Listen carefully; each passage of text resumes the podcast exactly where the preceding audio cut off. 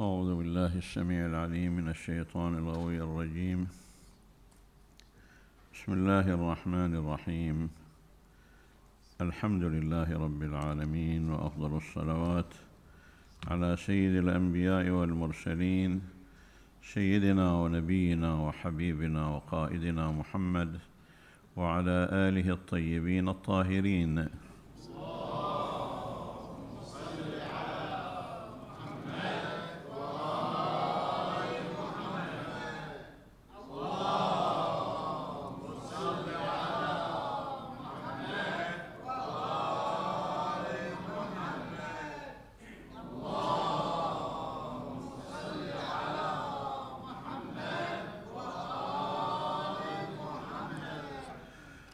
السلام عليكم أيها الأحبة ورحمة الله وبركاته.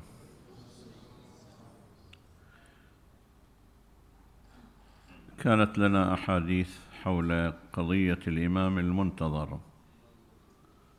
أرواحنا فداه كانت الأحاديث متمركزة في مقر جمعية التوعية الإسلامية. ثم طرحت فكرة أن تكون الأحاديث متحركة. كان لقاء قبل هذا اللقاء في منطقة الدير. ونظرا لكون الأحاديث متسلسلة فحتى لا تنقطع ينقطع هذا التسلسل أود أن أجز لكم إجازا مضغوطا. ما تم الحديث عنه في اللقاء السابق. في لقائنا السابق تناولت مجموعة عناوين أوجزها باختصار مضغوط جدا حتى نتابع الحديث.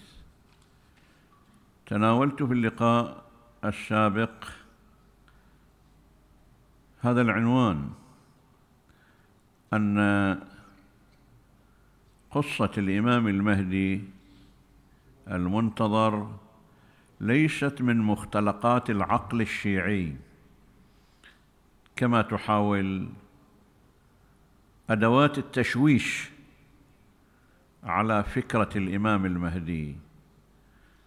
من أدواتهم في التشويش أن قضية الإمام المنتظر خرافة أنتجها العقل الشيعي من خرافات الشيعة. اصطنعوا هذا الفكر هذه النظرية هذا المفهوم. تناولنا هذا العنوان وفندنا فكرة أن قضية الإمام المهدي قضية من من اختلاق العقل الشيعي وقلنا أن فكرة الإمام أو قضية الإمام المهدي قضية إسلامية بل من المسلمات الإسلامية. كل المسلمين باستثناء من شذ منهم يؤمنون بقضية الإمام المهدي المنتظر. قد نختلف في التفاصيل؟ بس فكرة الإمام المنتظر فكرة المصلح في آخر الزمان فكرة الدولة دولة الحق في آخر الزمان هذا من المسلمات الإسلامية. كل علماء المسلمين يسلمون بذلك.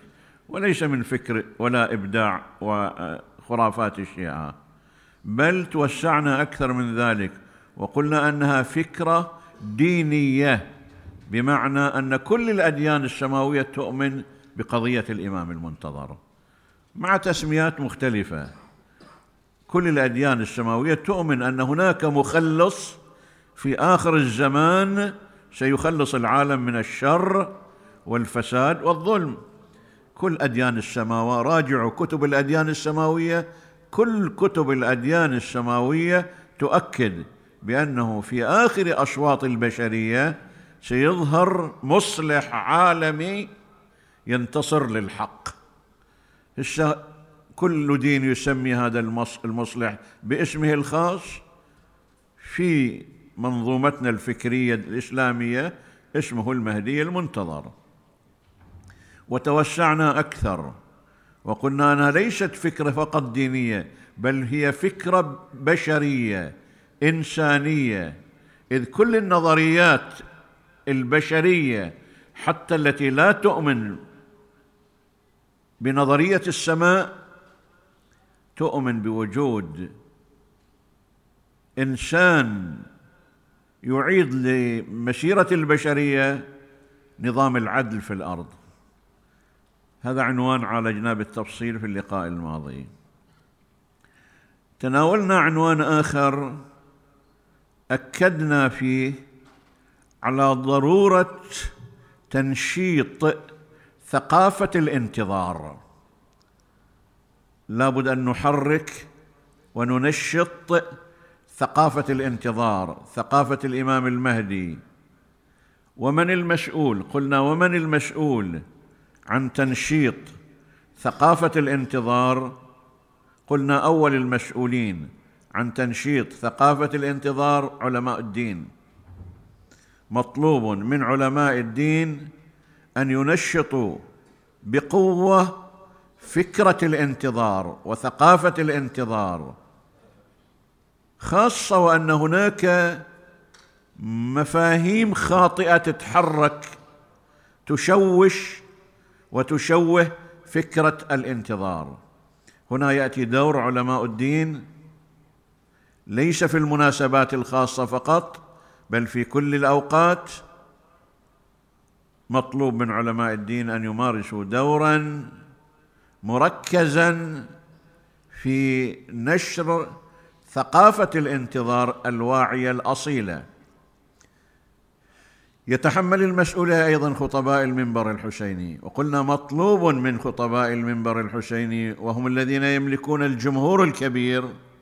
مطلوب منهم أن يمارسوا دورهم في تحريك وتنشيط ثقافة الانتظار وثقافة الإمام المهدي.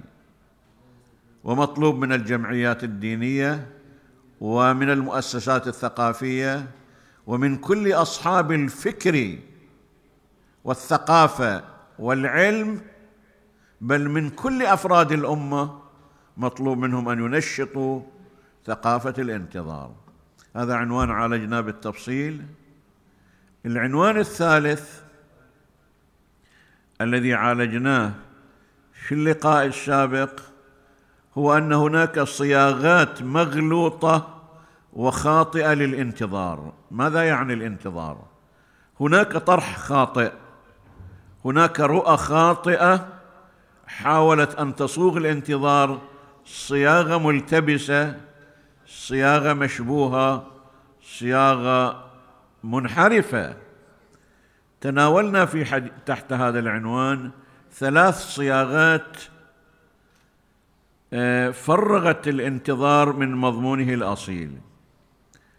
الصياغة الأولى أسميتها الانتظار الاسترخائي ما معنى الانتظار الاسترخائي هناك مساحة واسعة من الناس ممن يؤمنون يؤمنون بالإمام المهدي وينتظرون يفهمون الانتظار دعاء توسل زيارة فقط.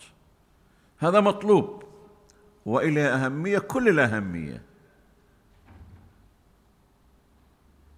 ان نمارس الدعاء ان نمارس زيارة الإمام المهدي المنتظر أن نذكره دائما أن نتوسل إلى الله باسمه دائما. هذا مطلوب. وسيأتي حديث مفصل في مكونات الانتظار وكيف أن الدعاء له تأثير كبير في إنتاج المشروع الانتظار. بس بشرط أن نفهم الدعاء فهما في سياق مشروع الانتظار المتكامل. الدعاء ليس مجرد ترف لفظي. إحنا الآن من نقرأ في الرواية أنه مستحب أن يقرأ الإنسان دعاء العهد في كل صباح بعد صلاة الصبح مستحب أن يقرأ دعاء اسمه دعاء العهد. موجود في مفاتيح الجنان في كتب الأدعية موجود هذا الدعاء. صفحة ونص مو أكثر. مطلوب أن يقرأ هذا الدعاء لمدة أربعين صباح. حتى ورد في الرواية أن من قرأه لمدة أربعين صباح كان من أنصار قائمنا. فإن مات قبل ظهور القائم أحياه الله وأخرجه من قبره. ليكون من أنصار الإمام وأعطاه الله من الثواب كذا وكذا. هذا حديث هذا دعاء. لكن لو نقرأ مضامين الدعاء نفهم ليش أعطي هذا الدعاء هذا المستوى من القيمة. هل هي مجرد ألفاظ؟ لا. الدعاء يشكل بيعة حقيقية مع الإمام المنتظر. تقرأ في فقرات هذا الدعاء وهذا سيأتي في حديث آخر أن في فقرات تأكد أن الدعاء يعني البيعة. هذا حديث. إذا من يفهم الانتظار أنه مجرد دعاء ومجرد توسل ومجرد ذكر الإمام ومجرد تمني أن الله يعجل بظهور صاحب العصر هذا مطلوب لكن لازم أن نعطيه. معناه الذي يرتبط بالمفهوم المتكامل لمعنى الانتظار. هذا سميناه الانتظار الاسترخائي انتظر وأنا قاعد على كرسي وعلى فراشي وهذا استرخاء في الانتظار. في صياغة ثانية أسميتها الانتظار التعطيلي. إيش معنى الانتظار التعطيلي؟ الانتظار التعطيلي هو أن هناك من يفهم الانتظار انتظار الإمام المهدي هو أن نعطل كل ممارسات العمل الإسلامي الدعوة إلى الله الأمر بالمعروف الجهاد من أجل إقامة الحق ودولة الحق. يقول لك مو الإمام المهدي هو رايح يظهر وهو رايح ينهي الفساد في الأرض وهو رايح يقيم دولة العدل. فلماذا نتعب أنفسنا بدعوة وبجهاد وبعمل ومحاربه فساد؟ الفساد لن يتغير الظلم لن يتغير. الذي سيغير الظلم وسينهي الفساد في الأرض هو الإمام المهدي. فلا حاجة لأن نمارس أي نشاط ديني ولا أي نشاط إسلامي. نكتفي بعباداتنا وصلواتنا وصومنا وحجنا. أما نمارس نشاط هذا مو وظيفتنا هذا وظيفة الإمام المهدي. هذا مفهوم تعطيلي يعطل حركة الإسلام وحركة الدعوة إلى الله وحركة الأمر بالمعروف ويصطدم اصطداما كبيرا مع القرآن ومع مفاهيم الإسلام ومع المفهوم الحقيقي لدولة الإمام المنتظر. هذا مفهوم أيضا صياغة خاطئة. وتناولنا صياغة ثالثة هي الأسوأ في الصياغات وهي الانتظار الانحرافي. أسميته الانتظار الانحرافي. إيش معنى الانتظار الانحرافي؟ هناك عقل ملوث. بعض المنحرفين حاولوا أن يقتحموا مفهوم الانتظار برؤية شيطانية. ما هي هذه الرؤية الشيطانية؟ قالوا اليس من شروط ظهور الإمام المهدي أن ينتشر الفساد في الأرض؟ ألا تقول الاحاديث ذلك؟ أنه إذا انتشر الفساد إذا انتشر الظلم إذا انتشر العبث بالكرامات حين ذاك يظهر الإمام. إذا لماذا لا ننشر الفساد في الأرض حتى يظهر الإمام؟ لاحظوا كيف الشيطان اقتحم فكرة الانتظار وحولها من فكرة تحارب الظلم والفساد إلى فكرة تمركز الفساد وتدعم الظلم وتنشر العبث بدعوى أن إذا انتشر الفساد ظهر الامام هذه صياغات كلها مرفوضة. الآن نتابع الحديث اذا ما هي الصيغه الأصيلة للانتظار؟ كلنا ننتظر الإمام.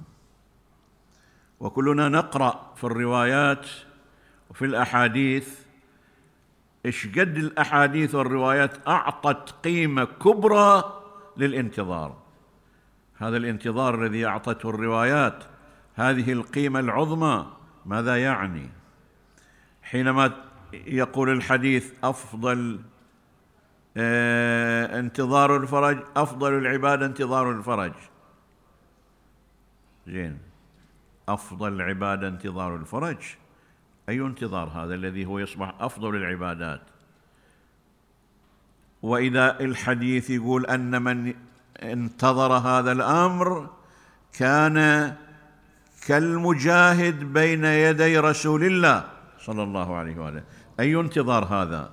الذي يجعلك وأنت مجرد أن تعيش الانتظار كأنك جاهدت بسيفك مع الإمام الحجة. قال بل بين يدي رسول الله صلى الله عليه وآله.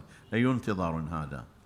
الذي يحمل هذا المعنى الكبير المعنى العظيم جدا. هذا مجرد دعاء عادي اقعد وأدعو. الانتظار إلى صيغة أصيلة. ما هي هذه الصيغة الأصيلة للانتظار؟ الانتظار الصيغة الأصيلة للانتظار هي التي تتوفر على خمسة مكونات أساسية. المكون العقيدي المكون الثقافي المكون الروحي المكون السلوكي المكون الرسالي. هذه طبعا الآن ما بقدر أشرحها كلها. القضاء سريع ثم سأختار مكون الإيماني والعقيدي والمكون الثقافي. المكون العقيدي المنتظرون للإمام المنتظر يجب أن يتوافروا على درجة عالية جدا من المستوى الإيماني والعقيدي. هذا شرط. من شروط الانتظار أن يمتلك المنتظر مستوى متقدم جدا في درجة الإيمان ودرجة العقيدة. هذا واحد. مطلوب ممن يعيش الانتظار أن يملك درجة عالية متقدمة من الوعي الإيماني والثقافة الإيمانية. يملك وعي الانتظار ويملك وعي الإسلام ويملك وعي القرآن. هذه درجة من من درجات المؤهلين للانتظار في المستويات المتقدمة. هذا المكون الثاني المكون الثالث المكون الروحي.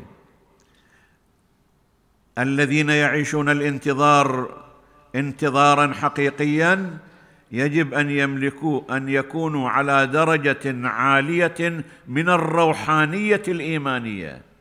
هذا سيأتي. شنو معنى الروحانية؟ هذا نقطة تعالج في حديث المستقبل. اذا ارتقاء في مستوى الإيمان والعقيدة ارتقاء في مستوى الوعي والثقافة ارتقاء في المستوى في في المضمون الروحي وفي مستوى الإخلاص والذوبان والعشق مع الله سبحانه وتعالى. أربعة المكون السلوكي. المنتظرون للإمام المنتظر يملكون درجة عالية من من التقوى ومن الالتزام بأخلاق الدين والإسلام. سنجد بعض الأحاديث التي تؤكد هذا المعنى. في تقوى في درجة عالية من الورع. هؤلاء هم المنتظرون. أما واحد يعيش الفسق يعيش الانحراف يعيش الفساد ارتكاب المحرمات يتجنب قيم الإسلام ويقول أنا منتظر هذا يكذب على نفسه ويكذب على الدين ويكذب على الإمام المنتظر ويكذب على على الناس كل الناس. المنتظرون هم ناس يملكون درجة عالية من التقوى من الورع من الصلاح من الانضباط في خط الإسلام في خط الإيمان. هذا أربعة. خمسة المكون الرسالي. المنتظرون دعاة. المنتظرون حملة رسالة. المنتظرون مبلغون. المنتظرون مجاهدون. هذه مكونات. أساس تنتج الانتظار الحقيقي. بنبقى في الحديث عن المكون الإيماني الأول والثاني المكون الثقافي. ونترك الحديث عن بقية المكونات إلى لقاء قادم في منطقة أخرى. خلينا نبدأ مع المكون الإيماني العقيدي والمكون الثقافي. المكون الإيماني يشكل مرتكز في بناء الشخصية الإيمانية. لأن لون هيكل الشخصية الإسلامية المرتكز النقطة المركزية في بناء شخصية الإنسان المؤمن هو المرتكز الإيماني.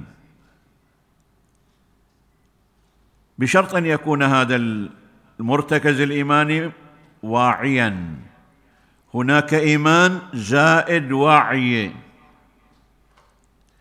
الإيمان يخلق صلابة. الوعي يخلق استقامة وبصيرة. فلو وجد إنسان يملك درجة عالية جدا من الوعي لكن لا يملك درجة عالية من الإيمان. هذا شخصية هشه يصبح شخصية هشة لينة متميعة. لو وجد إنسان يملك درجة من صلابة من من مستوى الإيمان هذا يملك صلابة لكن صلابة مرتبكة لأن ما فيها وعي. فلازم يجتمع تجتمع صلابة الإيمان ووعي البصيرة. المرتكز الإيماني هو اللي ينتج الصلابة الإيمانية. الآن قد نلاحظ الناس واحد عنده درجة من من من الصلابة الإيمانية بمستوى سبعين. مئة بالمئة هذه صلابة الأنبياء صلابة الأئمة. ما نقدر إحنا نصل لهالمستوى. لكن يمكن أن تصل إلى صلابة إيمانية بمستوى سبعين في المئة. واحد يصل إلى صلابة إيمانية بمستوى خمسين في المئة. واحد يصل إلى صلابة إيمانية بمستوى عشرين في المئة. واحد خمسة بالمئة. واحد صفر. لاحظوا الصلابة الإيمانية لها مراتب. هو كيف نصنع الصلابة الإيمانية؟ حديث آخر. بس حتى نمركز الصلابة في شخصياتنا لابد نملك درجة عالية من صلابة الإيمان. هي هذا هي الصلابة التي تتحدى. أليس الإمام؟ الإمام الصادق عليه السلام يقول إن لنا محبين. أي كلمة للإمام الصادق. شوفوا العقيدة كيف تصل بالإنسان إذا ارتقت. عقيدة الإيمان بالله عقيدة الإيمان بالرسالة عقيدة الإيمان بالإمامة وبخط أهل البيت بالإمام المنتظر. الإمام الصادق يقول إن لنا محبين. لو قطعناهم اربا اربا ما ازدادوا فينا إلا حبا. هي صلابة إيمان. ما يتنازل عن صلابة الإيمانية من أجل دنيا من أجل مصالح من أجل مال من أجل أغراض. إن لنا محبين. لو قطعناهم إربا إربا ما ازدادوا فينا إلا حبا. وإن لنا مبغضين. لو ألعقناهم العسل المصفى ما ازدادوا فينا إلا بغضا. هي صلابة إيمان. هي صلابة إيمان. ابن السكيت شخصية إيمانية ولائية. شوفوا شلون الإيمان يصنع الصلابة. مع الأسف نضعف أمام أتفه المواقف. ليش؟ ليش نضعف أمام أتفه المواقف؟ لأننا ما نملك صلابة إيمان. عندنا ضعف في المستوى الإيماني. ابن السكيت شخصية ولائية. شخصيات الولاء لأهل البيت.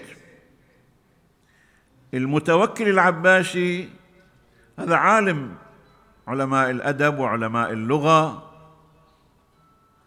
المتوكل العباسي يستدعي ابن السكين دون أن يعلم أنه منتمي إلى خط أهل البيت. يعرف عنه عالم من علماء المسلمين. يستدعيه لكي يعلم أولاده يعني أولاد المتوكل. وبعد فترة يكتشف أو يأتي الوشاة ليقول للمتوكل إنك وضعت ابنيك بين يدي إنسان متشيع لعلي بن أبي طالب.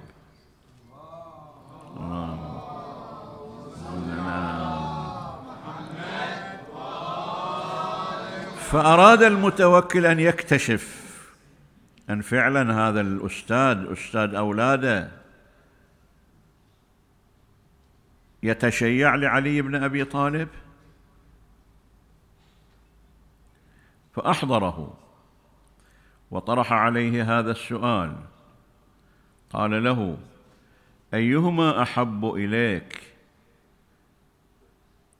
ابناي هذان أم الحسن والحسين ابني علي بن أبي طالب؟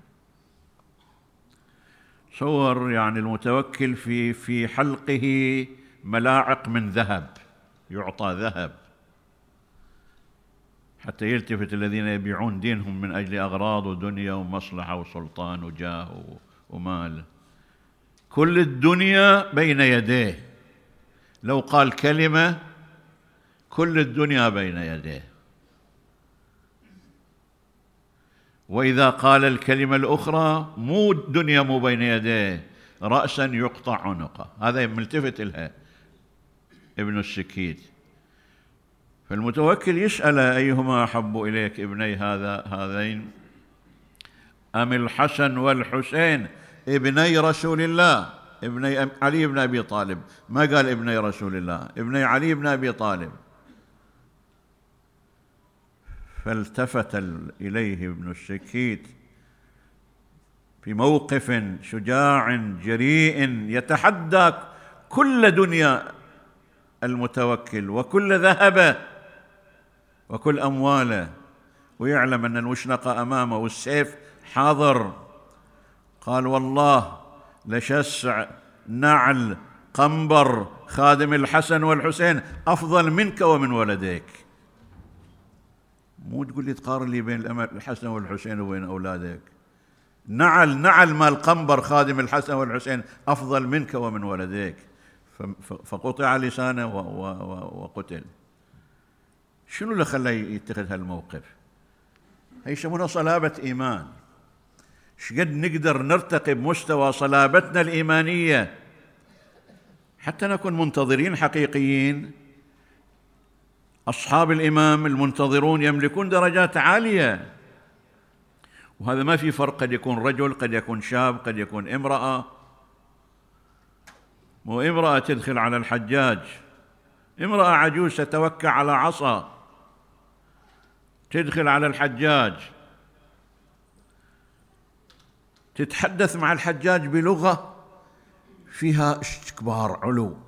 شامخة بأنفها وبحديثها.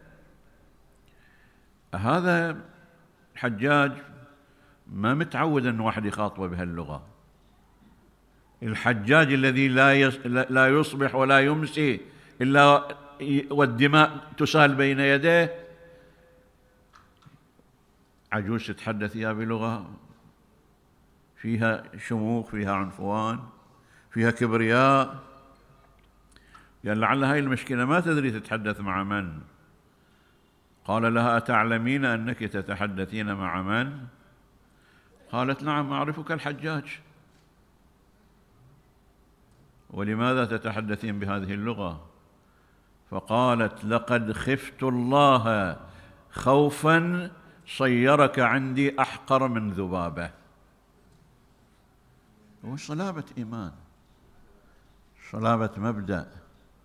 صلابة عقيدة. اذا حتى ناسس انتظار حقيقي. خلنا يا جماعة نقوي الإيمان. ومن أتكلم عن نقوي الإيمان بدءا من عقيدة التوحيد بالله. واليوم شبابنا يمكن يتعرضون لهزات تحاول تشكك في عقيدتهم الإيمانية بالله. محتاجين يا جماعة شوي نصلب عقيدة الإيمان بالله. عقيدة التوحيد. نتدبر في هذا الكون.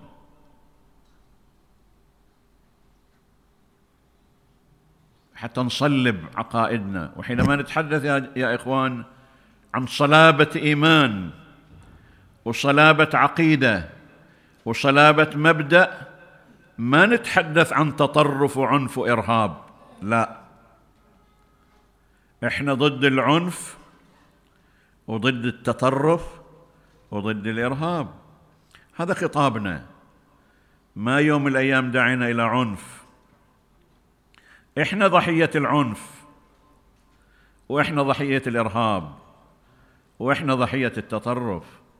ما بيجي يوم من الأيام نكون دعاة لعنف أو إرهاب أو تطرف.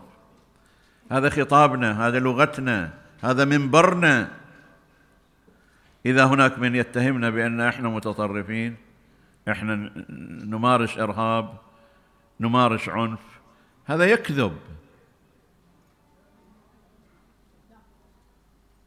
الصلابة الإيمانية لا تعني التطرف. الصلابة الإيمانية هي محاربة التطرف. كل ما نقوى في صلابتنا الإيمانية نقوى في محاربة التطرف محاربة العنف ومحاربة سفك دماء الأبرياء بغير حق. هذه صلابة الإيمان هي صلابة العقيدة.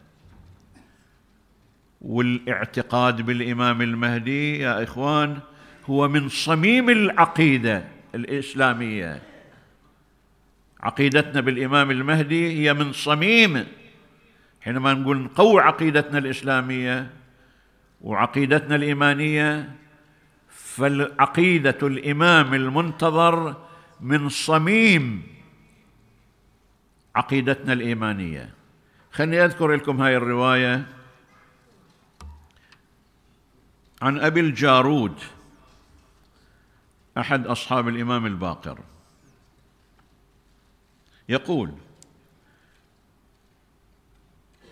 دخلت على أبي جعفر عليه السلام يعني الإمام الباقر فقلت له يا ابن رسول الله لاحظوا يا جماعة حتى الإنسان من يريد يبني إيمانه يبني عقيدته في طرق في وسائل في علماء امناء على الشريعة امناء على الإسلام لا تاخذ دينك لا تاخذ عقيدتك لا تاخذ إيمانك من من الشارع من أي مكان.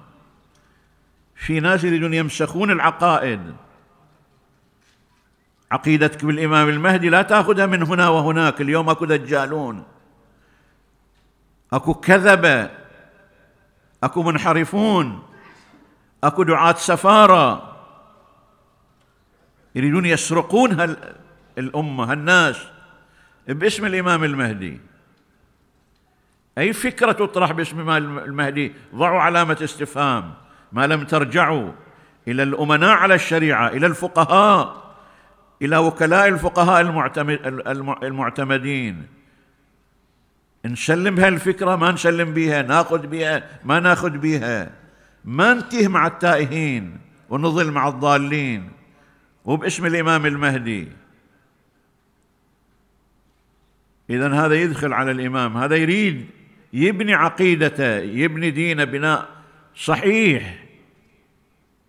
وما في خجل هو شخصية من شخصيات واصحاب الأئمة. مع ذلك يحاول دائما أن يبني عقيدته يبني إيمانه فيدخل على الإمام الباقر عليه السلام. يقول له يا ابن رسول الله هل تعرف مودتي لكم وانقطاعي إليكم وموالاتي إياكم. أنا محب. أنا منقطع لكم. أنا موالي لكم. فقال الإمام عليه السلام نعم. قال فقلت.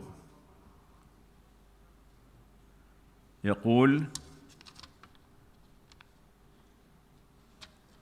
أبو الجارود. فقلت فإني أسألك مسألة تجيبني عليها. أنا جاي لك بمسألة. أريدك تجاوبني عليها. فإني مكفوف البصر. قليل المشي. ولا أستطيع زيارتكم كل حين. ما أقدر في كل وقت أجي لكم. أنا أريد الآن أسأل مسألة حتى احصن ديني. استقي ديني من المنابع الأصيلة النظيفة. ليس من هنا وهناك. منكم أنتم منابع الدين الأصيل. فإني مكفوف البصر قليل المشي ولا أستطيع زيارتكم كل حين. قال عليه السلام هات حاجتك اسأل. قلت أخبرني بدينك. لاحظوا السؤال.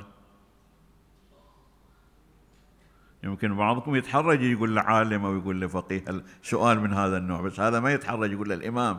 أخبرني بدينك الذي تدين الله عز وجل به أنت وأهل بيتك لأدين الله عز وجل به.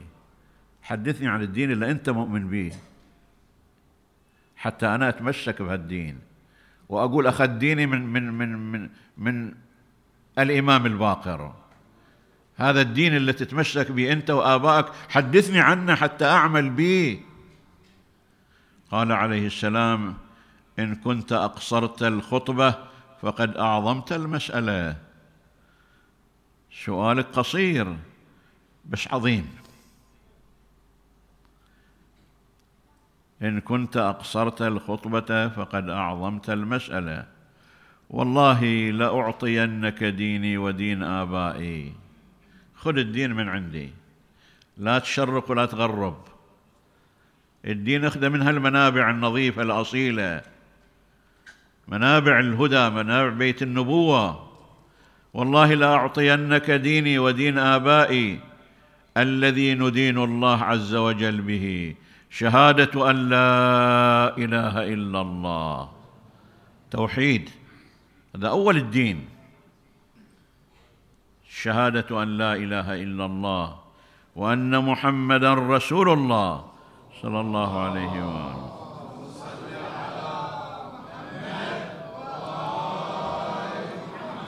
والإقرار بما جاء به من عند الله القرآن كل التعاليم كل الشريعة نقر بها. آمنا بالله آمنا بالرسالة آمنا بكل ما جاء به رسول الله والولاية لولينا والبراءة من عدونا والتسليم لأمرنا وانتظار قائمنا. لاحظوا كيف؟ نعم.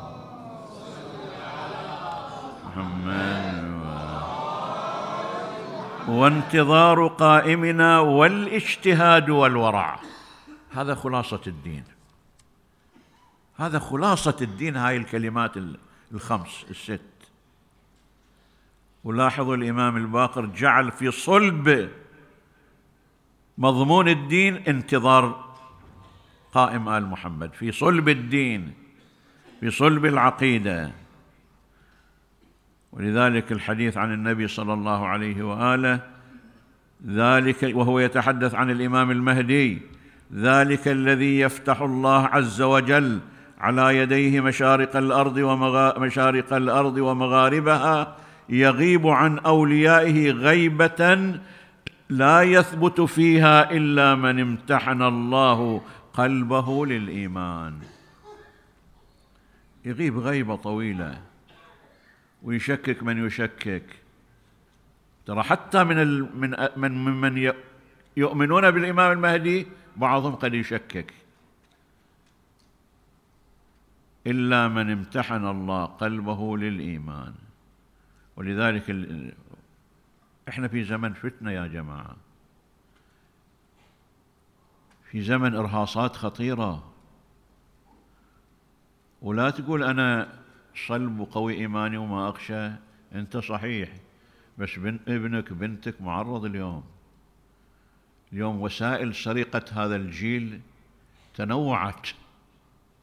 في سرقة, في سرقة عقائدية في سرقة ثقافية في سرقة أخلاقية في سرقة إيمانية. في سرقات اليوم. أجيالنا مهددة. وذلك يا جماعة خلنا نكثر من من من من تحصين هذه أجيالنا من خلال هاللقاءات من خلال الأحاديث من خلال منابر الحسين. أنا أكد على خطباء الإمام الحسين لأن جمهورهم متصل ودائم. أنا يمكن ألتقي بالناس في الأسبوع مرة أو في الشهر مرة بس الخطيب يوميا يلتقي بالناس. لذلك مسؤولية الخطباء مسؤولية كبيرة جدا. حصنوا عقائد هذا الجيل. بدءا من الإيمان بالله والتوحيد والنبوة والارتباط بخط أهل البيت وقضية الإمام المهدي. حصنوا هذا الجيل عقائديا ثقافيا روحيا أخلاقيا. جيل فتنة ضين شبه لذلك الإمام الصادق يقول إلى عبد الله بن سنان أحد أصحابه ستصيبكم شبهة بيجي عليكم أوقات فيها شبه فيها مغالطات. وهذا جاي نشوف الشبه؟ في الصحف في الإذاعات في المواقع مواقع التواصل كل المواقع. لكن اليوم واحد يراويني مقولة منتشرة في بعض المواقع. واحد وهابي ما ادري وش اسمه يقول هذه كذبة يقولون رسول الله عنده ذرية. رسول الله أصلا مات ما عنده ذرية أبدا. القرآن يقول إنا أعطيناك الكوثر هذا يقول لا رسول الله مات ما عنده ذرية. وهذه كذبة اللي يقولون إحنا ننتمي إلى الرسول. ما في أصلا رسول عنده ذرية. وكم كم من هاي المقولات الموبوءة نحتاج إلى تحصين. فهذا يقول الإمام يقول لعبد الله بن سنان ستصيبكم شبهة فتبقون بلا علم يرى ولا إمام هدى ولا ينجو منها إلا من دعا من دعا بدعاء الغريق. قلت وكيف دعاء الغريق؟ قال عليه السلام تقول يا الله يا رحمن يا رحيم يا مقلب القلوب ثبت قلبي على دينك. هذا يسمى دعاء الغريق. أيام الفتن أيام الشبهات اكثروا من هذا الدعاء. يا الله يا رحمن يا رحيم يا مقلب القلوب ثبت قلبي على دينك. فقال عبد الله بن سنان فقلت يعني ردد حتى يحفظ الحديث. فقلت يا الله يا رحمن يا رحيم يا مقلب القلوب والأبصار ثبت قلبي على دينك. قال عليه السلام إن الله عز وجل مقلب القلوب والأبصار ولكن قل كما قلت لك. أنا ما قلت لك مقلب القلوب والأبصار. لا تضيف للدعاء شيء من عندك. قل يا مقلب القلوب. صحيح الله مقلب القلوب والأبصار بس قل كما قلت لك. يا مقلب القلوب ثبت قلبي على دينك. اذا بحاجة إحنا ما أدري أنا وقت انتهى في أسئلة بعد؟ ما أدري. ها؟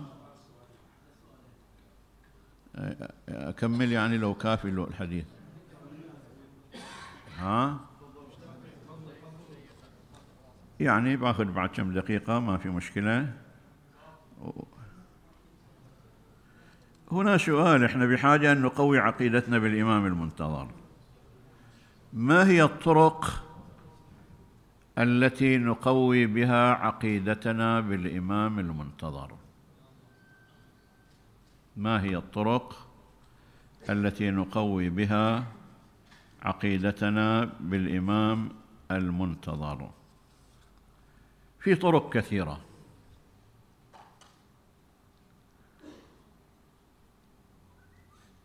الطريق الأول اكثروا من القراءة حول الإمام المنتظر. اكثروا من القراءة. في كتب غنية بالحديث عن الإمام المنتظر. الحمد لله مكتبتنا مملوءة. المكتبة الشيعية مملوءة بكتب تتناول الإمام المنتظر. فخلي لك يا أخي برنامج تطالع تقرأ. بالأسبوع على الأقل اقرا لك كتاب خاصة نخاطب الشباب واللي عندهم قدرة على أن يقرؤون ويكتبون. خل عندك كتاب عن الإمام المنتظر اطرحه طالعه. في كتابات متنوعة عن الإمام المنتظر. في كتابات أحاديث بس روايات. في كتابات عن الإمام المنتظر مجموعة روايات صدرت عن رسول الله صلى الله عليه وآله وصدرت عن أهل البيت وصدرت عن كل الأئمة. أخذ لك كتاب طالع به. فيه مثلا إذا أردت نموذج أطرح لك أخذ كتاب منتخب الأثر في الإمام الثاني عشر ثلاث مجلدات أحاديث كلها أحاديث روايات. لآية الله الشيخ لطف الله الصافي. موجود أحد فقهاء. قم. هذا ألف كتاب جمع فيه الأحاديث التي وردت في الإمام الحجة. من كل المصادر الإسلامية. مو من المصادر الشيعية من كل المصادر الإسلامية. خل عندك في هذا في مكتبتك هذا الكتاب. ولو بالأسبوع تفتح تقرأ لك نص ساعة به. تقرأ روايات عن أهل البيت في مصادر كثيرة روائية. في أحاديث في كتب مو كتب روايات دراسات حول الإمام المهدي. عندنا كتب هي دراسات مو روايات. مثلا في دراسات مختصرة جدا بس نافعة جدا خاصة للشباب. اقرأوا بحث حول المهدي للشهيد السيد محمد باقر الصدر. ونحن نعيش ذكرى شهادته في هذا الأسبوع. كتيب من الحجم الصغير. صفحاته معدودة لكنه غني بالمفاهيم والأفكار مناقشة كثير من الإشكالات. هذا فكر هذا ثقافة مو بس روايات. خلي عندك في مكتبتك هذا الكتاب يغذيك بمفاهيم عن الإمام المهدي. بحث حول المهدي. وكتب مقدمة لموسوعة موسوعة الشهيد الصدر الثاني. بس كتب طبع بشكل مستقل وأصبح كتاب يتداول بشكل مستقل. اقرأوا هذا الكتاب خاصة الشباب. وفروا في بيوتكم لأبنائكم. أنا أقول كل الآباء أطالبهم أن يخلون في بيوتهم مكتبة مصغرة لأبنائهم. خل مكتبة يقول ابني ما يقرأ كتب ما يخالف خل بين إيده كتب. يجي يوم من الأيام يشيل كتاب يطالعه. وإن كان اليوم بعد الكتب ما صار صارت الوسائل الآن هذه بها بها كل شيء. بس تبقى المكتبة تمثل عنوان في البيت. فبحث حول المهدي للشهيد السيد محمد باقر الصدر كتاب من أغنى الكتب في معالجة قضية الإمام المهدي. اقرأ مثل كتاب في انتظار الإمام للدكتور الشيخ عبد الهادي الفضلي.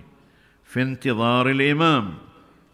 أيضا كتاب مختصر بس يحمل مفاهيم يحمل مضامين راقية جدا وبلغة حديثة. وبمنهجية جيدة تنسجم مع عقلية شبابنا اليوم مطلوب أن يقراها. في كتب كثيرة بهذا الاتجاه وفي طبعا موسوعات موسوعات للمتخصصين للخطباء للدارسين للشباب اللي عنده ولع كبير بال أيضا بالتوسع في في قضية الإمام المهدي. فليقرأ موسوعة الإمام المهدي للسيد الشهيد الصدر الثاني سيد محمد الصدر عنده موسوعة حول الإمام المهدي دراسة مفصلة ومعمقة حول قضية الإمام المهدي تاريخ الغيبة الصغرى تاريخ الغيبة الكبرى تاريخ ما بعد الظهور. هذه مجموعة من الدراسات المعمقة الناضجة لمن يريد أن يتوسع في قراءاته حول الإمام المهدي. إحنا عندنا موسوعة كتبتها من ست مجلدات اللي هي هو عنوانها الإمام المنتظر قراءة في الإشكاليات. يعني لمن يريد أن يتوسع يمكن أيضا يقرأ هذه الموسوعة أو يرجع إليها. فإذا أول وسيلة من وسائل تنمية وعينا بقضية الإمام المهدي وعندي أيضا بعض الكتابات المختصرة حول الإمام المهدي كلمات أحاديث وكلمات حول الإمام المنتظر كراس صغير. وعندنا هذا كان مجموعة محاضرات ألقيتها في في دولة الإمارات. طبعت في في كراس صغير كلها حول الإمام المنتظر. وفي مج... الإمام الخاتمة أيضا مجموعة محاضرات ألقيناها هنا في البحرين. طبعت في كراس طبع المجلس العلمائي. هذه مجموعة يعني مصادر توفر للإنسان ثقافة حول الإمام المنتظر. هناك وسائل أخرى نتركها للقاء قادم إن شاء الله ونتابع الحديث في لقاء قادم في منطقة أخرى إن شاء الله وأترك المجال الآن لبعض تساؤلاتكم إن كانت هناك تساؤلات. وآخر دعوانا أن الحمد لله رب العالمين وأفضل الصلوات على سيد الأنبياء والمرسلين محمد وآله الطاهرين.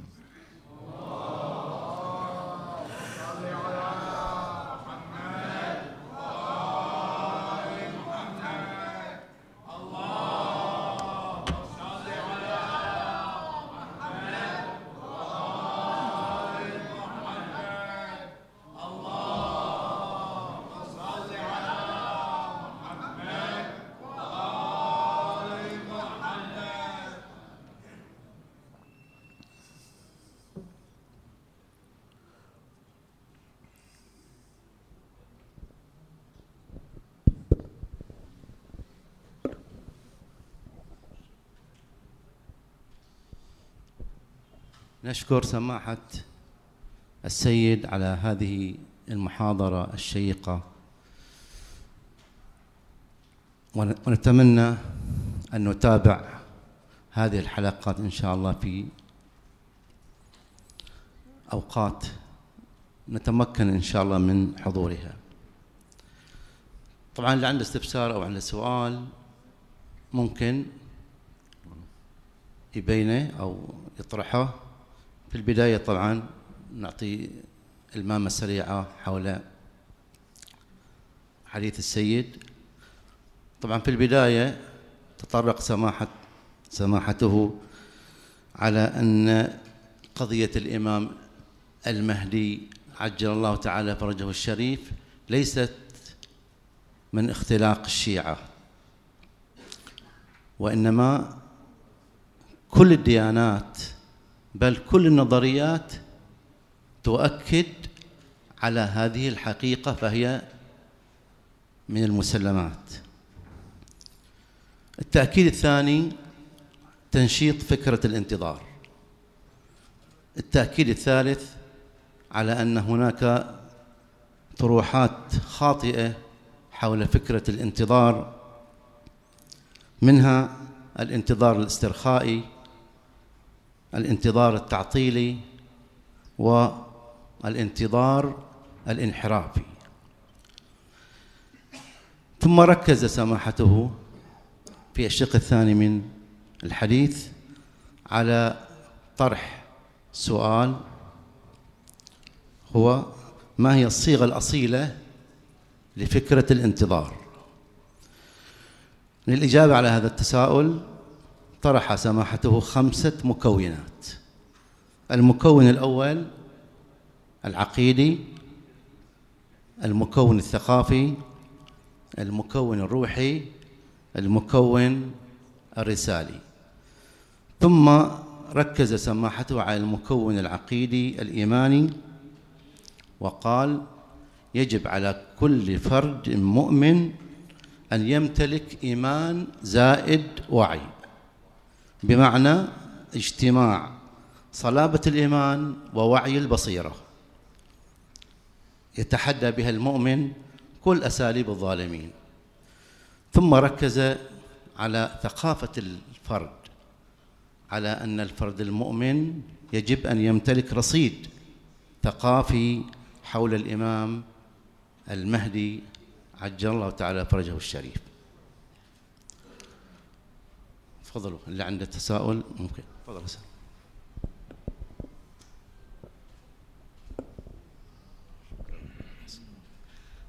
السلام عليكم جميعا ورحمة الله وبركاته. شكرا سماحة العلامة على هذا الطرح المميز جدا يعني.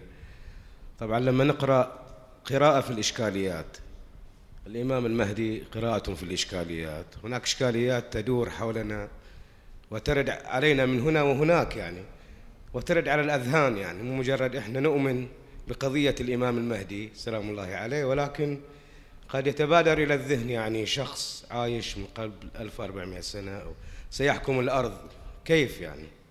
هل لديه جنود ومعدات حربية متطورة تضاهي ما هو موجود عند خصومه؟ كيف؟ كيف الإنسان أن يكون حيا يرزق حاضرا بيننا يرانا ولا نراه؟ أو يعيش طول هذه المدة الزمنية دون أن يعلم له مكان معين ولا يعلم عن أحواله شيء. ماذا يفعل في كل هذا العمر المديد؟ 1400 سنة. هل هو يقوم بعمل ما بمهمة ما تشغل فراغه مثلا؟ يعني قد يرد في الأذهان يعني مجرد تساؤلات أو ترد في أذهان الناس كحالة طبيعية يعني.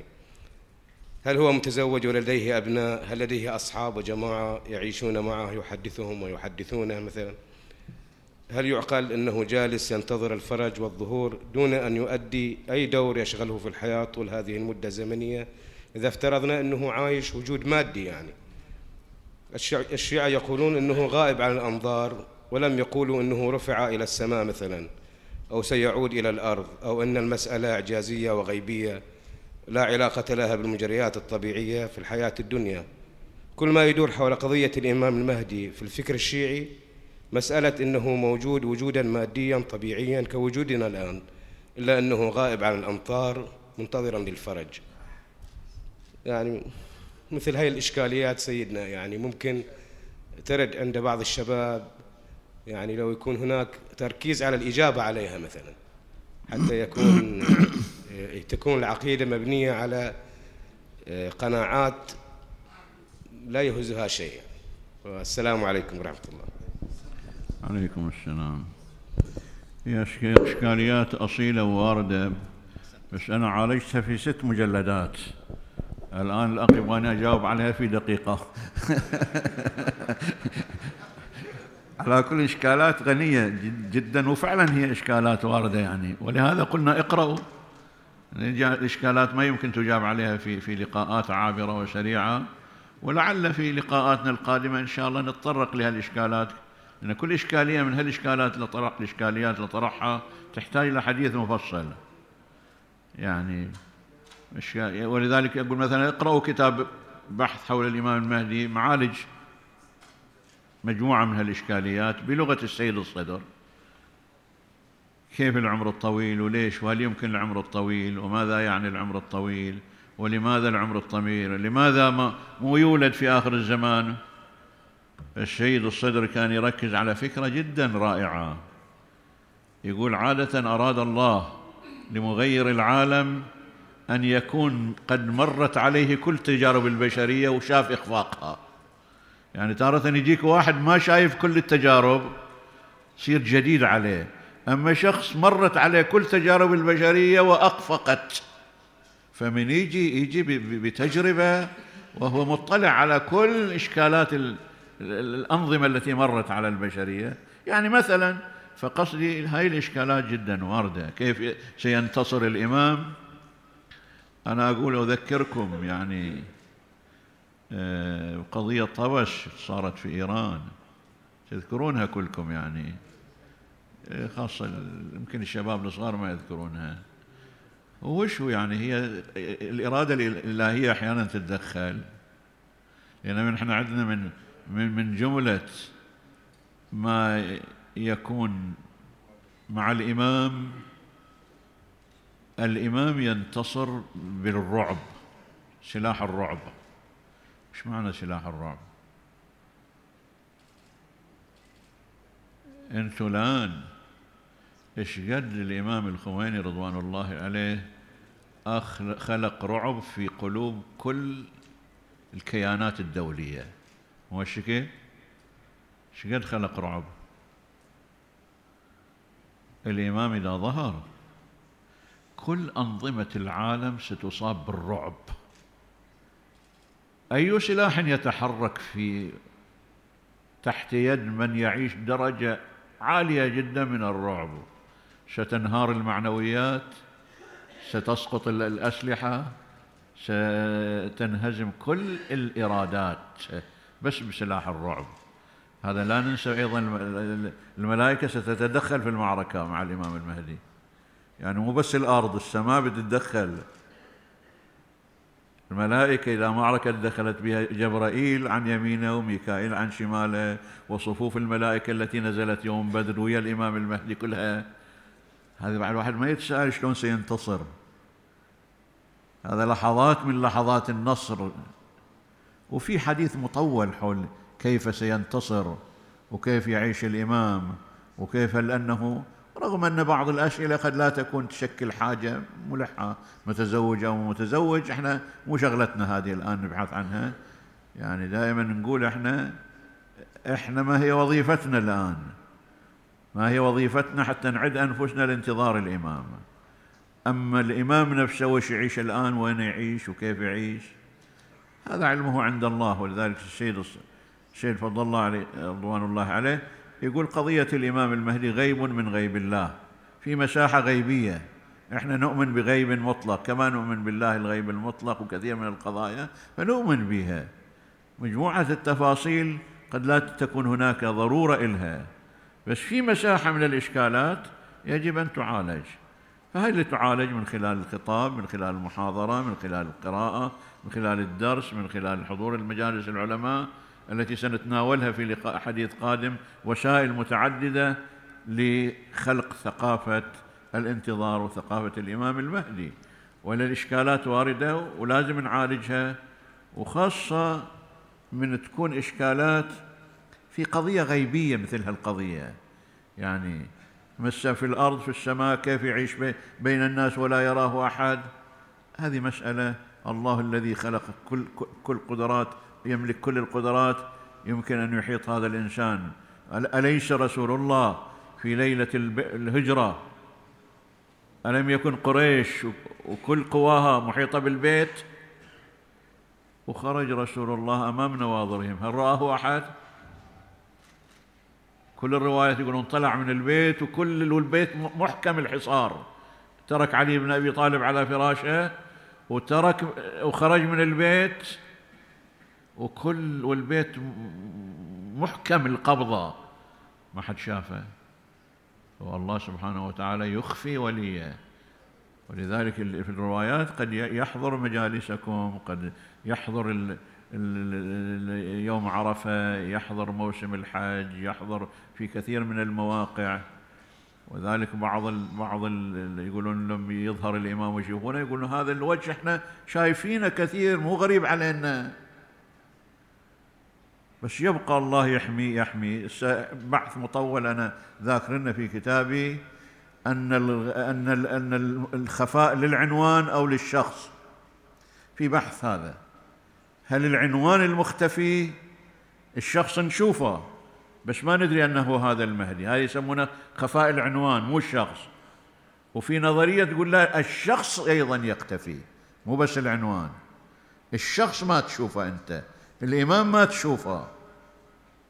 هذا بحث مطول يمكن أن يرجع إليه وفي أحاديث لقاءات أخرى إن شاء الله تتعالج نعتذر من الأخوة حول الاستفسارات والأسئلة لأن الوقت ما يتسع وهم مراعاة لصحة السيد أيضا لا بالنسبة استفسار أو لا سؤال بصحتي.